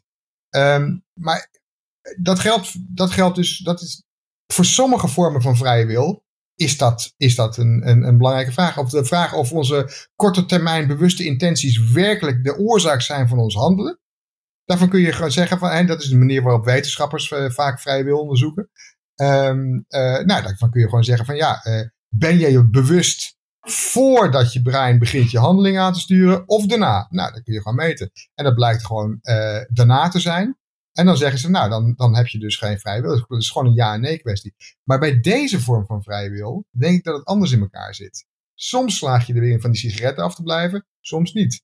Soms ben je vrij, soms niet. Mensen, dus dit is de- deze vrije wil vorm, zoals je weet, hopelijk weet uit, eh, nog vanuit het college, is van eh, Harry Frankfurt. Hè? En Frankfurt zegt, eh, wat mensen tot mensen maakt, is dat vrije wil voor hun een probleem is. En als, je, Ja. als het überhaupt geen probleem voor je is, dan ben je een ander soort wezen dan de meeste mensen. En dit heeft vast ook te maken met het feit dat wij eh, eh, culturele wezens zijn. Hè? Dus dat we, dat we normen en waarden en, en doelen eh, hebben, bijvoorbeeld. ja. Idealen. Ehm, ik wilde eigenlijk ook nog, eh, maar daar zijn, daar zijn we denk ik al een beetje voorbij gevlogen. En we hebben het ook wel impliciet wel besproken. Maar het verschil van Thomas Nagel te, over what it feels like to be a bat. Dat was Ja. ik altijd een heel, eh, heel interessant verschil. Waarin hij uitlegt dat je alle neurochemische kwaliteiten van een bat en alle mechanismes en dergelijke van een vleermuis eh, kan, eh, kan uitdenken en in kaart kan brengen, maar nog steeds niet zal weten wat, wat, een- wat het is om een vleermuis te zijn. Eh, uiteindelijk wat dat is. En dat is denk ik, denk, denk het grootste vraagstuk met, eh, ja, met cognitiefilosofie en neurowetenschappen en dergelijke. Dat we, als we dat ook allemaal uitdenken, nog steeds niet weten wat, wat bewustzijn is, maar we weten wel bewustzijn, wat bewustzijn is in de zin dat we het ervaren. Ja, nou ja, dit we weer terug bij bewustzijn. Dit is gewoon een rampzalig ingewikkeld probleem. Oké, dus, dus Thomas Nagel die zegt van luister eens, eh, als je eh, eh, alle objectieve feiten over bewustzijn op een rijtje zet, en dan weten we een heleboel over hoe het brein werkt, dan nog weet je niet hoe het is om van binnenuit dat brein te zijn. dat is een beetje zijn, zijn argument. En dat, dat doet hij dan met behulp van een, van vleermuis, omdat vleermuis zintuigmodaliteiten heeft die, hebben die wij niet hebben. dus dan wordt het nog wat moeilijker om je dat te kunnen voorstellen. Maar het, het, het principe van zijn argument is: als jij een objectieve beschrijving geeft, wetenschappelijk gezien, van hoe je brein in elkaar zit, hoe het allemaal werkt, dan heb je daarmee niet beschreven hoe het is om dat brein van binnenuit te zijn als ervarend subject. Um, er is vreselijk veel discussie over dit argument. Echt, er is, ik, en ik, ik, moet eerlijk zeggen, ik vind dit is een van de problemen waar ik echt, echt, ik kom er gewoon niet uit. Ik kom er echt, echt, echt, echt niet uit. Maar er zijn wel een heleboel mits en maren eh, naar voren gebracht door mensen uh, die ik wel interessant vind en die wel voor een deel mijn denken over dit ding veranderen. In eerste instantie had ik, had ik gedacht, uh, oké, dit is gewoon een knockdown argument. Uh, objectieve wetenschap, vergeet het maar, die gaat niet lukken. Dat dacht ik als toen ik student was. Um, same, same, same, same. Ja, ja, ik dacht ook tegelijkertijd, dacht ik, oeh, dit is leuk, dit is mijn vak. Um, toen ik dit hoorde. dacht ik echt van, dit, dit vind ik zo, dit vind ik helemaal te gek. Um, maar um, later heb ik al wat dingen gelezen van uh, bijvoorbeeld Churchland, wat een, een hele ontzettend scientistische man is. Maar wel, wel een heel goed argument. Hij zegt van, ja kijk, wat vraag je eigenlijk van een theorie? Als die theorie zodanig is dat je van een objectieve beschrijving van het brein op de een of andere manier uh, subjectieve ervaring zou moeten kunnen inzichtbaar maken. Hoe zou je überhaupt een beschrijving kunnen geven, een objectieve beschrijving van wat dan ook. Maakt even niet uit wat het is. Zodanig dat je opeens dan, oh, maar zo is het om een vleermuis te zijn. Wat voor beschrijving zou dat eigenlijk moeten zijn? Dus je vraagt veel te veel van een theorie als je dat erbij vraagt. En om het te illustreren, dit zegt hij van nou, stel je nou voor dat jouw reactie op Nagel zou zijn, oh jee, inderdaad, met een objectieve beschrijving van een brein heb je eigenlijk nog niks gezegd over subjectieve ervaring. Dus een objectieve beschrijving van het brein is incompleet. Dus er moet iets niet fysieks zijn, iets niet objectiefs. En uh, dat moet dan beschreven worden. En dan uh, een, een ziel bijvoorbeeld. Nagel zelf zei later, twaalf jaar na het schrijven van het artikel, zei hij van, dit moeten we absoluut niet zien als de consequentie van mijn theorie. Op, eigenlijk om dezelfde reden die ik je eerder gaf van die ziel weten we niks. Uh, nog minder dan het brein. Dus daar schiet je echt helemaal niks meer op. En uh, Churchland maakt eigenlijk datzelfde punt. Die zegt van luister eens, stel nou dat je, als, dat je als antwoord op, deze op dit probleem dualist wordt. Um, en we krijgen een, eh, een, een, een, we ontwikkelen een nieuwe theorie. Uh, een theorie van, van immateriële zielen. En er ontstaat langzamerhand een, een, een echt uitgebreide wetenschap over. Uh, en die wetenschap die gaat over, uh, ja, die gaat weet ik veel, over ectoplasma's, om het maar wat te noemen. Ik bedoel, uh, er wordt vast niet op deze manier over zielen gedacht, maar een wetenschap van, van, van zielen. Um, en eigenlijk zegt hij, dan krijg je het hele probleem helemaal in al zijn glorie opnieuw op je bord gepresenteerd. Dan krijg je een, een hele mooie wetenschappelijke, in termen van, uh, van die wetenschap, krijg je een verhaal over de, de, deze vleermuisziel. Uh, en dan zal iemand achteraf zeggen van, uh, ja, maar hoe, als we deze beschrijving lezen, maar hoe is het nou om een vleermuis te zijn? Dat lees ik hier niet uit. En zegt, het zegt, ja, dat kan ook niet, want je vraagt te veel van een theorie. En ergens vind ik dat ook wel uh, terecht. Mm. Ergens denk ik van, daar heb je, daar heb je een, een heel goed punt. dat, is, dat, dat is ook te veel gevraagd. Ja. Maar er blijft, dat moet ik tegelijkertijd erbij zeggen, uh, net als bij jou denk ik, er blijft iets knagen. Um, ja. Namelijk dat, dat uh, subjectieve ervaring. Um, nou ja, zoals Nagel het zelf zegt. Uh, subjectieve ervaring is gewoon subjectief. en wetenschappelijk wereldbeeld is objectief. Dus dat, die subjectiviteit die zal op een bepaalde manier nooit onderdeel uitmaken van je wetenschappelijke wereldbeeld. En ook omdat je een ervaring in principe niet kan beschrijven. Je, je, kan, je kan niet een directe ervaring laten zien. Je kan het niet direct. Het is gewoon onmogelijk. Het is altijd een, iets wat gaat door bepaalde filters, door taal en dergelijke. En uh, ook historisch is natuurlijk. Dus je kan dezelfde bewustzijn nooit terughalen. Je kan nooit in dezelfde, dezelfde staat van bewustzijn zijn als je geweest bent. En ook al ga je er naar terug, is het nog steeds met de historie die er nu bijgekomen is. Dus het is altijd anders. Dus je, je kan op de een of andere manier ook niet. Ja, het gaat gewoon niet. Dus hoe kun je überhaupt een bewustzijn van een filosofie van bewustzijn dan maken? Of hoe kun je er überhaupt aan werken dan? Ja, dus dat, dat is een hele, een hele goede vraag. Nou, dus ehm, ik denk dat het heel belangrijk is om dan bijvoorbeeld samen te werken met, uh, met wetenschappers. Er zijn, dus er zijn hypotheses over wat is er nodig in je brein of in de natuur voordat er een bewuste ervaring is. Um, en ik denk dat er altijd een dus altijd in, in dat soort theorieën altijd een gat blijft zitten waar Nagel op wijst, maar waar Churchland eigenlijk net zo goed op wijst. Namelijk dat je in een theorie nooit um, uh, inzicht kunt geven in die subjectiviteit zelf.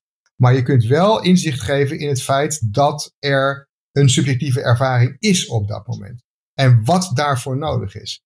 En ik denk, ik vind het dus zelf razend interessant om te kijken naar uh, theorieën die, uh, die beweren aan te kunnen geven wat de noodzakelijke voorwaarden zijn voor het optreden van, uh, van bewustzijn. En die zijn er radicaal mm verschillend. Hè? Dus je hebt filosofen als David Chalmers en die zeggen, um, ja, er moeten bepaalde hele ingewikkelde causale functionele structuren zijn. en als die er eenmaal zijn in de werkelijkheid, dan treedt bewustzijn op. En dat is een soort natuurwet. Daar kunnen we eigenlijk niet heel goed. Dus ergens, hè, Wittgenstein zegt ook, ergens stopt je verklaring.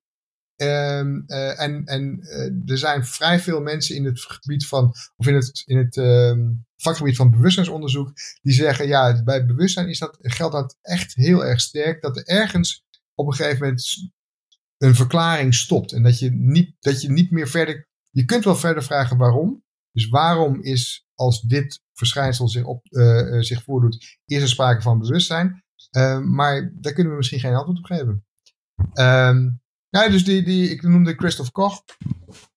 Die heeft een hele interessante theorie. Die zegt, kijk, bewustzijn heeft een, hele, heeft een, een, een, heel sterk gestructureerd karakter. Dus aan, je bent je nooit bewust alleen maar van, van groen. Maar dan is het een groene deur of een groene plant. En die heeft een bepaalde vorm en die staat in een pot. En weet je, dus er zit een enorme diepe uh, structuur. En dat probeert hij te herleiden naar um, uh, de manier waarop informatie in je brein gecombineerd wordt. Hij zegt, het, blijkbaar is het nodig voor je brein om die informatie op een hele complexe manier te combineren. En dan treedt er zo'n bewuste ervaring op. En um, enerzijds moet je zeggen dan, ja, dan kun je altijd nog afvragen, waarom dan die ervaring?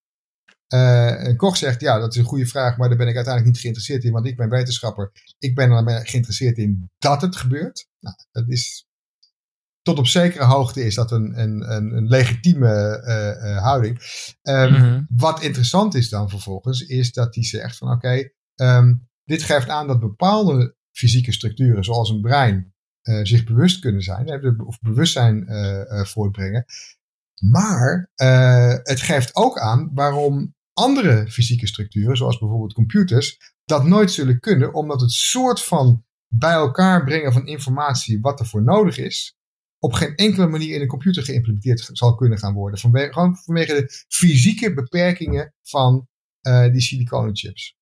Uh, en daar heeft een hele ingewikkelde, een heel mooi ingewikkeld argument voor dat het niet alleen maar louter om informatieverwerking gaat, maar dat het echt om de structureren het structuur, de structuur van die informatieverwerking gaat. Als je kijkt naar wat, welke, welke processen in ons brein betrokken zijn bij, uh, de, bij bewuste processen, dan gaat het lang niet altijd om de uh, processen met de meeste neuronen bijvoorbeeld, maar het gaat om de complexiteit van hun verbinding. Um, en dat is echt heel erg complex in het brein. Uh, en hij zegt, dat ga je nooit van zo lang als zijn leven na kunnen maken in een computer. Dus een computer kan niet bewust zijn. Dat soort van die, dat soort van conclusies kun je dan wel trekken. Dus, dus aan dat soort van onderzoek zou je moeten denken. Zeg maar zeggen. Dat kun je wel doen. Um, even los van de wetenschap. Hè? Even, even als, we, als we wat meer gaan kijken naar, uh, uh, naar wat meer spirituele, esoterische ideeën over bewustzijn. Waarbij um, het niet wij zijn die bewust zijn, maar het universum is die bewust is. Ja. Uh, en dat wij um, nou ja, als, je, als, als je het causale hub van, de, van het brein dan doortrekt naar dat onze lichamen causale hub zijn van die, van die bewustzijn. Um, wat is daarvoor te zeggen? Nou, ehm, ehm, er zijn heel veel mensen die, uh, ook, ook echt serieuze bewustzijnsonderzoekers, die, die vinden dat je dit serieus moet nemen. Ehm, dus, dus iemand als. Uh, dus ik, ik, Christophe Koch die zegt van nee, dat, dat gaat niet. Uh, in principe gaat het om, om informa complexe informatie-integratie. Um, maar die moet zodanig complex zijn dat er eigenlijk maar een paar, een paar plekken zijn in het universum waarbij die complexiteit voldoende is voor bewustzijn. Nou, dat zijn ongeveer onze breinen. Of, of misschien sommige neurale systemen, of ja, zenuwsystemen van, van beesten. Maar um, het had anders kunnen zijn, zegt hij, maar dat is niet zo. Maar dan heb je ook mensen, zoals uh, David Chalmers bijvoorbeeld, die zei, die verandert zijn mening af en toe. Maar die heeft lange tijd volgehouden dat het een beetje vergelijkbaar met, met Chris Koch, maar anders. Die zegt van nee, het gaat niet zozeer om informatieintegratie, maar het gaat gewoon om hele complexe functionele structuren. Uh, dat is een ingewikkeld verschil om uit te leggen, maar dan moet je maar even nemen dat dat, is een, dat is een verschil.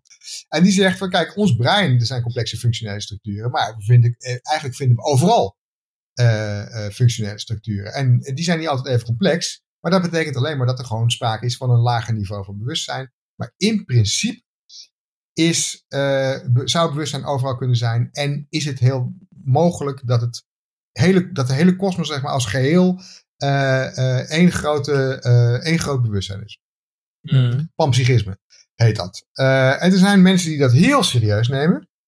Um, ik, wil het, ik wil het zelf absoluut niet zo, zonder meer uitsluiten. Ik was, ja, hoewel ik dus ik verander ook altijd van mening hoor, in dit soort, in, in, in dit onderwerp ja. ik van mening. Ik ben nu, heb ik de neiging om te denken dat Koch het wel heel goed voor elkaar heeft met zijn theorie. ja, dat snap ik. Als je net iets heel interessants gelezen hebt, ben je waarschijnlijk nog aan het verwerken, aan het integreren. Uh, maar um, laat ik even zeggen, wat, wat, er, wat er interessant aan klinkt, aan, aan zo'n idee van, uh, tenminste wat, wat mij, wat, wat, wat, wat, wat, ik vind, wel, welk onderdeel ik er aantrekkelijk aan vind. Dat namelijk, wanneer het, en dan heb je meteen, meteen weer een ander probleem, namelijk waarom is, waarom is het universum bewust? Hè? Dan is dat weer, weer, een heel probleem. Maar, maar als, als het hele universum bewust is, dan zou je kunnen zeggen dat wij zelf bewust zijn omdat wij complex genoeg zijn. Dus dan heb je eigenlijk het probleem van onze bewustzijn in ieder geval op, opgelost. Die bewustzijn is overal en in, en in sterk genoeg hubs wordt het zelf bewust. Ja, dat is een beetje een soort van pan, panpsychisme à la, à la, à la Chalmers. Uh, ja, nee, dat, dat is. Uh, dus die, die zegt van het gaat eigenlijk om, om, om hele complexe functionaliteit. En bij ons is dat zo complex dat daar een heleboel bewustzijn bij komen, uh, komt, komt kijken. En bij minder complexe systemen minder. Um, ja, dat is, het, is een, het is een visie. Ik denk niet dat het, dat het een probleem oplost, moet ik eerlijk zeggen. Je verplaatst het hmm. probleem naar, naar elders. Um, namelijk, waarom, is het, waarom is het universum bewust? Ja, waarom is dat een natuurwet? Uh, dus er zijn gewoon, er zijn, eh, ik denk, denk, dat, dat is ook echt een van de redenen waarom ik, ik hou me dus niet zo heel erg met bewustzijn bezig in mijn eigen onderzoek. In ieder geval niet dit soort van bewustzijn. Uh, omdat, ik heb het wel gedaan hoor, heel even, kort. En toen liep ik hier tegenaan en dacht ik, ja, maar hier gaan we dus echt niet uitkomen. Dus ik ga, ik ga iets, ik, doe liever iets waar we dan een stapje verder mee kunnen komen. Um, maar ik moet eerlijk zeggen, dus dat, dat was twintig jaar lang mijn, uh, mijn, uh, mijn houding. En uh, dat, dat kwam, ik was postdoc in, in Australië en daar kwam um, iemand werken die dus heel, nou ja, die dus dat onderzoek heel erg groot had, David Chalmers dus. En, uh, en ik had een paar, een paar uh, uitwisselingen met hem daarover. En dat werd zo. En dat werd zo'n. zo'n ja, het werd ook een soort van. van, van uh, hoe zeg je dat? Trench wars. Dat is een goed Nederlands woord voor. maar ik bedoel. Trench wars? Trench wars. Um, Trench wars. grachten. Ja, iedereen, iedereen groef zich in in zijn eigen positie. En ja. ja, ik vond dat, dat, dat vond ik niet zo interessant meer. En ik had, bleef het gevoel houden ja, waar je nu ook je, je vinger elke keer op legt. Daar blijft een probleem zitten. En je kunt wel de theorie hebben dat er een natuurwet is die, die zegt dat bewustzijn optreedt bij een bepaalde mate van functionaliteit. Ja, prima. Um, maar een natuurwet is uiteindelijk gewoon een just so verklaring. Je zegt, ja, het zit, het zit nu helemaal zo, punt. Um, en ik, ik, mijn, mijn neiging is om te denken dat welke theorie van bewustzijn we uiteindelijk mee eindigen, die zal altijd zo'n just so um, karakter blijven houden. en dan wordt dus de vraag Um, ja, wat, nou eigenlijk is het dan de vraag, uh, de, de, de, de wetenschappelijke vraag, wat is het correlaat van bewustzijn? Wanneer, uh, wanneer wat, moet er gebeuren in het universum voordat er sprake is van, van bewustzijn? Het nadeel, moet ik wel zeggen, van de panpsychistische optie, is dat je bij mensen altijd nog kunt zeggen van, nou oké, okay, als dit in je brein gebeurt, wat voel je nu? Oh, nu zie ik groen. Wat voel je nu? Oh, nu ruik ik rook. Weet je, dat, dat kun je zeggen. Dat kun je bij het universum niet doen. Mm. Dus dat, het blijft altijd iets hypothetischer van aard, zou ik maar zeggen. Ja, ja, ja. Ja, daarom is het ook, uh, denk ik, uh, geen wetenschappelijk te onderzoeken idee. En daarom is het ook, denk ik, ook niet wetenschappelijk in die zin. Ja. Um, ja, en uh, steeds meer bekruipt mij het gevoel toch dat, dat bewustzijn dus dat, dat we moeten accepteren dat bewustzijn niet iets is wat we objectief kunnen weergeven. Dat vooral iets is. En elke, elke poging daartoe het reduceert tot een natural kind. Wat het dus. Ja, nee, dat, dat zou, ik, zou ik liever niet doen. Um, klopt, denk ik, klopt. Uh, zolang je maar niet dan uh, sommige mensen verbinden daaraan een soort hele triomfantelijke conclusie. Haha, dus de wetenschap is, onvo uh, is onvolledig en uh, je kunt niet alles verklaren hoor. En dan weet je, zo'n soort van houding, en dat, daar heb ik dan niet zoveel mee. Dan denk ik van, van, nee, maar dat ligt waarschijnlijk aan wat verklaringen zijn. Hè, ja. wat je... dus, dus misschien helemaal terug naar het begin van het gesprek. Wat, uh, wat, de, wat de neurowetenschappen aan het doen zijn en waar ze belangrijk voor zijn. Is, is dus dat fysieke correlaat van bewustzijn te onderzoeken. Ja, bij, als het gaat om bewustzijnonderzoek is dat gewoon wel waar het om, waar het om draait. Ja. Ja. ja. ja. ja. Uh, maar dat betekent niet zo van, uh, dat is niet, niet zomaar van, uh, oh ja, welk plekje in het brein ligt op op het moment dat mensen zich bewust zijn. Hè? Dat is wel ingewikkelder dan dat. Er zijn hele ingewikkelde theorieën over wat er precies in het brein moet gebeuren voordat iemand zich uh, bewust is ergens van. En daar zijn verschillende theorieën over. Die zijn heel erg, heel, heel erg verschillend. Zelf vind ik dat dan niet zo interessant meer. Ik kijk daar liever als, als een soort als, als een wetenschapsfilosoof van buiten af tegenaan. En dan denk ik van, oké, maar waar zijn jullie Waar zijn jullie mee bezig? Hoe, wat is de structuur van jullie, van jullie vraagstelling überhaupt? En hoe, hoe relateer je zo'n zo'n common sense begrip als bewustzijn nou aan hele ingewikkelde neurodata? En heb je een beeld van hoe je die vertaalslag goed maakt? En ik denk dat dat vind ik zelf interessanter.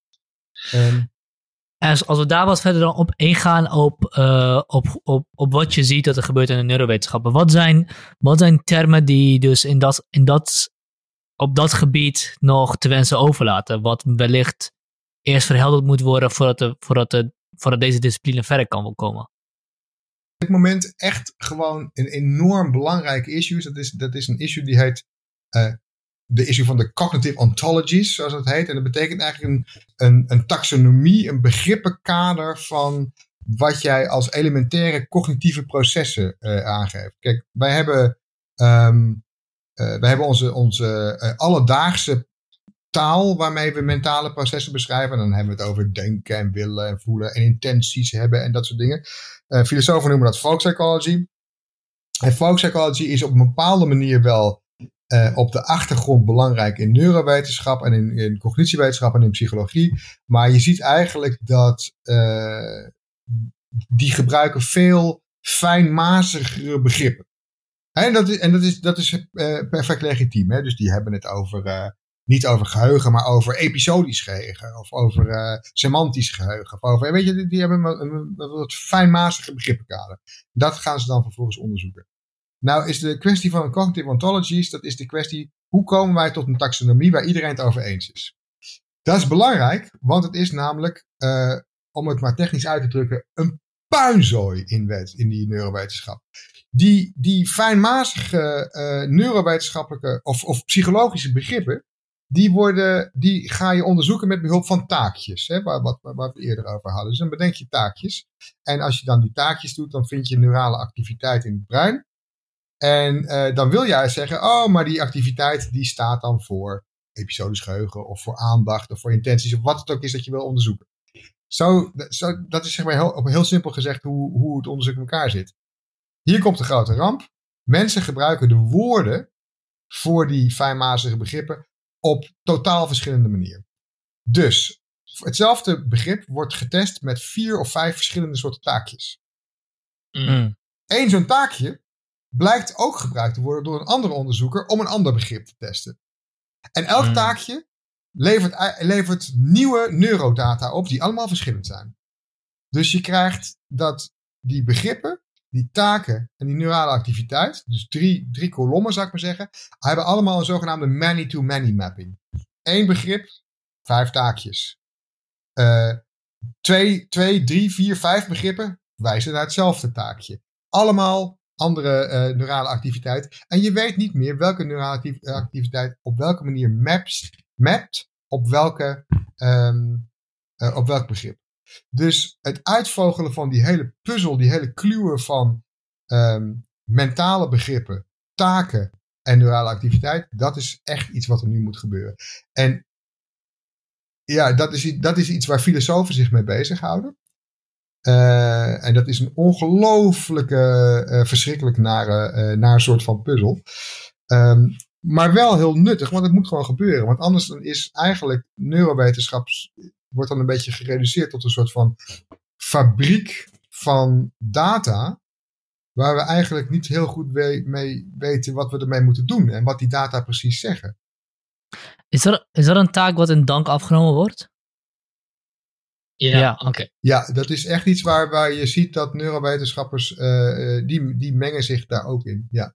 Dit is, er, zijn, er zijn een aantal, uh, aantal onderzoekers waarbij filosofen en wetenschappers een beetje tegenover elkaar staan. Vaak niet altijd hoor. En zoals die vrij wil is wel een beetje zo. maar er zijn ook andere onderzoeksgebieden, zoals bijvoorbeeld sociale cognitie, hoe mensen elkaar begrijpen. waarbij echt heel duidelijk een heen en weer invloed, kruisbestuiving is tussen filosofie en wetenschap. En, en dit is ook wel zo'n gebied waarbij dat wel het geval is, ja. ja. En waar eigenlijk soms dan zie je niet helemaal ehm, onderscheid meer tussen, tussen, tussen um, Sorry, de laatste kreeg ik niet helemaal mee. Ja, dat je soms niet helemaal, dat soms uh, uh, wetenschappers hele goede filosofische inzichten naar voren brengen. en dat je niet, meer, niet helemaal meer weet wat is nou het onderscheid tussen, tussen wie wat doet. Behalve dat filosofen heel vaak geen empirisch onderzoek doen. ja. Maar, wel, maar ook ehm, dat wel, hè? Af en toe. Ja, ja. Even kijken, wat, wat hebben we gedaan? Er, er komt altijd zo'n zo'n moment in een, in een gesprek waarin ik, uh, waar ik merk dat ik uh, gewoon geen vragen meer kan verzinnen. Omdat we zoveel besproken hebben dat ik echt een dag nodig heb of twee dagen om het überhaupt te verwerken. Wat, wat we, wat we, we zijn begonnen met, zijn begonnen met te kijken naar, de wet, naar neurowetenschappen. En daarin zijn we eigenlijk al redelijk snel doorgaan naar de vraag: wat is nou bewustzijn? En wat we eigenlijk moeten concluderen is dat we het eigenlijk niet zo goed weten. En dat we het misschien niet eens echt kunnen beschrijven, omdat het niet te objectiveren valt. Uh, dat is een beetje mijn grootste takeaway op dit moment. Even los van alle zijstappen en dikswap en dergelijke hadden we besproken. Um, is dat iets waar je denkt. Eh, heb je daar haken en ogen aan? Aan wat ik nu zeg.